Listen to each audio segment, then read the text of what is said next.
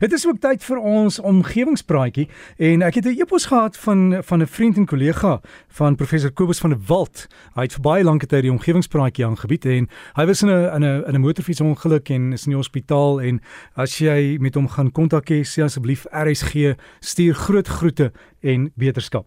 Maar Bert fris, gesond en koud sê sy, Rialet Pieters, professor by Noordwes Universiteit, gesels oor warmte en koue en diere se seksualiteit. Hallo Rialet. Môre Derek. Uh, ja, ek dink Kobus het uh, met sy fiets geval. Ek moet bietjie uitvind, ek is nie heeltemal seker nie, maar dit was nie die motorfiets nie. Maar in elk geval, ek vertel vandag vir ons ehm um, ehm um, iets wat ek reeds beloof het verlede week, ehm um, om te gesels oor die rol van temperatuur in geslagsbepaling van krokodille. Maar krokodille is nie die enigste diere waarvan die geslag bepaal word deur die temperatuur waarby die embriootjie in die eier ontwikkel nie. Hierdie toestand is ook bekend vir seeskilpaaie en sommige visse. Vir krokodille bepaal die temperatuur waarby die embrio uitbroei die geslag van die nuwe diere. Met ander woorde waarby die embrio uitbroei. Maar by visse gebeur dit as die eiertjie reeds uitgebroei is en nog in die larfstadium is. In 'n artikel deur Edgar Gonzalez en medewerkers, almal van Mexiko wat in 2018 in Journal of Animal Ecology verskyn het, noem hulle dat daar drie patrone aangetref word by reptiele in die algemeen waar temperature 'n rol speel by geslagsbepaling. Een hiervan is dat dit hoofsaaklik mannetjies is wat uitbroei by koeler temperature met die wyfies wat vorm by die hoër temperature. Die tweede toestand is net mooi die omgekeerde, dat dit hoofsaaklik wyfies is wat by die koeler temperature uitbroei en die mannetjies wat vorm by die warmer temperature. En dan is daar die derde toestand en dis die een wat waarskynlik by alle krokodilspesies voorkom. En dis waar wyfies vorm by koeler en warmer temperature en die mannetjies by gematigde temperature dis by temperature tussen die temperature waar die wyfies vorm. Met die toenemende klimaatsverwarming kan mense reg begin wonder hoe diere waarvan die geslag bepaal word deur die omgewingstemperatuur beïnvloed sou word. Vir die spesies waar die wyfies vorm by hoër temperature, beteken dit dat toenemend meer wyfies in die bevolking sal wees. En dit is wat voorspel is in 'n artikel deur Anna Patricio en medewerkers wat in 2017 in Marine Ecology Progress Series verskyn het en waarin berekeninge gemaak is oor hoe stygings in omgewingstemperatuur moontlik die verhouding van mannetjies tot wyfies in groen seeskilpaaie sou beïnvloed. Hulle het voorspel dat die verhouding van wyfies tot mannetjies kan styg van die huidige 52% tot iets tussen 76 en 93% teen die aanbreek van die 22ste eeu.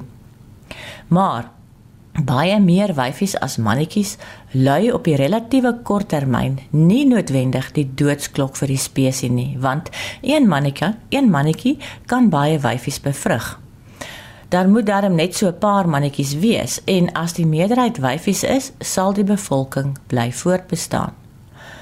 As die stygende omgewingstemperatuur egter lei tot die produksie van net mannetjies, dan is die bevolking in gevaar van uitsterwing.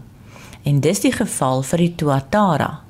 Die tuatara of Swenodon is endemies aan Nieu-Seeland en is net soos die groenseeskilpad 'n bedreigde spesies. Hulle is die enigste spesies in die reptielorde Swenodontia en hierdie orde oorleef sedert die tyd toe die dinosauriërs die aarde oorheers het.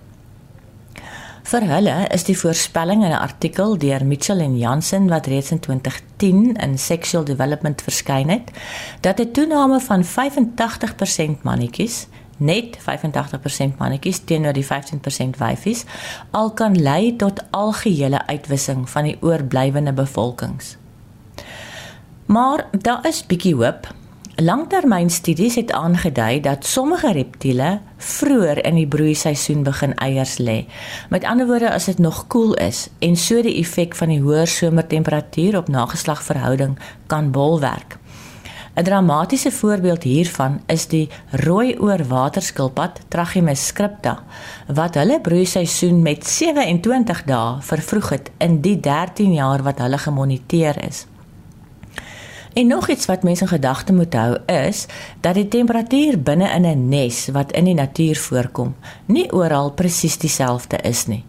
Daar is binne in die nes verskillende wat ons noem mikroklimate, met ander woorde streke met verskillende temperature. Tipies is dit bo nader aan die oppervlak warmer as dieper.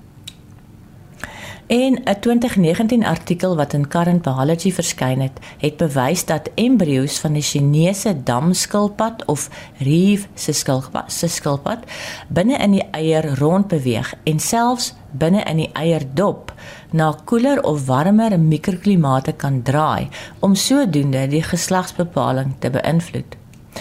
By krokodille waar daar wyfies by koeler en warmer temperature uitbroei, maar mannetjies by die tussenin temperature, is daar hierdie volgende verskynsel wat kan help om altyd maar wel 'n paar mannetjies in die werpsel te hê al styg die klimaat se temperatuur. Hierdie verduideliking kom uit 'n artikel deur Nadev Pizarro en medewerkers wat in 2016 in Biological Reviews verskyn het. Individuele krokodille in dieselfde bevolking verskil geneties van mekaar in presies by watter temperatuur mannetjies gevorm word. Vir die een wyfie kan dit wees tussen 25 en 29 grade Celsius. Maar vir die ander wyfie kan dit wees tussen 27 en 32 grade Celsius. In 'n besondere warm jaar kan embrio's wat die geen dra om mannetjies in die hoër temperatuurreeks 27 tot 32 grade Celsius te produseer, wel darm so paar eiers as mannetjies laat uitbroei. En wanneer hierdie mannetjies wasdom bereik, sal hulle op hulle beurt weer hopelik met baie wyfies paar en so die geen vir die vorming van manlike embrio's by die bietjie hoër temperature oordra aan 'n nageslag. En op hierdie manier kan 'n hoofsaaklik vroulike bevolking krokodille darm voortdurend 'n paar mannetjies produseer en so die bevolking se oorlewing vereers verseker. Maar dit is wel moontlik dat daar uiteindelik te min mannetjies sal wees om met die wyfies te paar. By visse waar temperatuur die geslag van die individu bepaal, is dit so dat as die temperatuur styg, meer mannetjies geproduseer word. Voorbeelde van kommersiële spesies wat hierdeur beïnvloed word, is die Europese seebaars of sea bass, die Nylkurper tilapia en 'n soort salm in Engels bekend as grayling. In 'n artikel wat in 2008 gepubliseer is in PLOS ONE, is daar al voorspellings gemaak dat die gelyke geslagsverhouding wat op hierdie staat wat op daardie stadium geheers het, met 'n stygings van die water se temperatuur van 1 tot 2 grade Celsius kan lei tot 3 mannetjies vir elke wyfie. Die interessantheid van die Nylkurper is dat dit een van die spesies is wat wel geslagskromosome het, XX vir vroulik en XY vir manlik maar temperature hoër as 32 grade Celsius indiseer manlikheid ongeag wat die kromosome sê. In 'n 2014 artikel verskyn ehm uh, daar inligting oor wat by mense kan gebeur as temperatuur styg. Die artikel is geskryf deur Fakude en medewerkers en is gepubliseer in Fertility and Sterility. Hierdie artikel handel oor die verhouding tussen baba seentjies en baba dogtertjies in Japan.